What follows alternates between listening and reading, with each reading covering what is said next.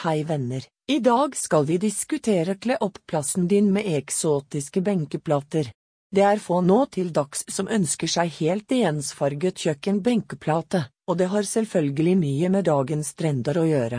Stilen i dag er ofte litt strammere og mer detaljrik enn den var for noen år siden, og med dette følger også flere farger, teksturer og mønster når det kommer til kjøkken og benkeplate.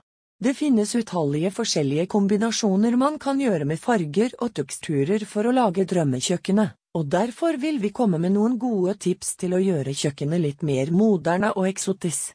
Hvis vi går helt bort fra den tradisjonelle tanken om at kjøkkenet skal ha hvite skapdører og hvit benkeplate, og heller beveger oss ut i både eksotiske og naturfarger kan vi lage mange vakre kombinasjoner.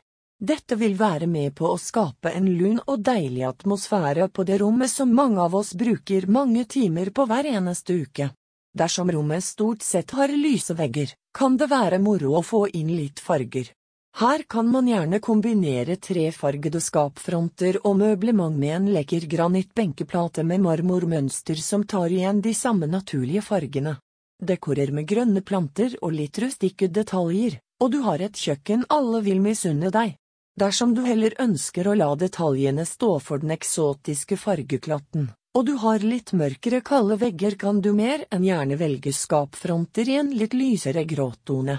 Her anbefaler vi at du velger en litt varm gråtone som komplementerer veggene, og gjerne en benkeplate i samme farge eller stil.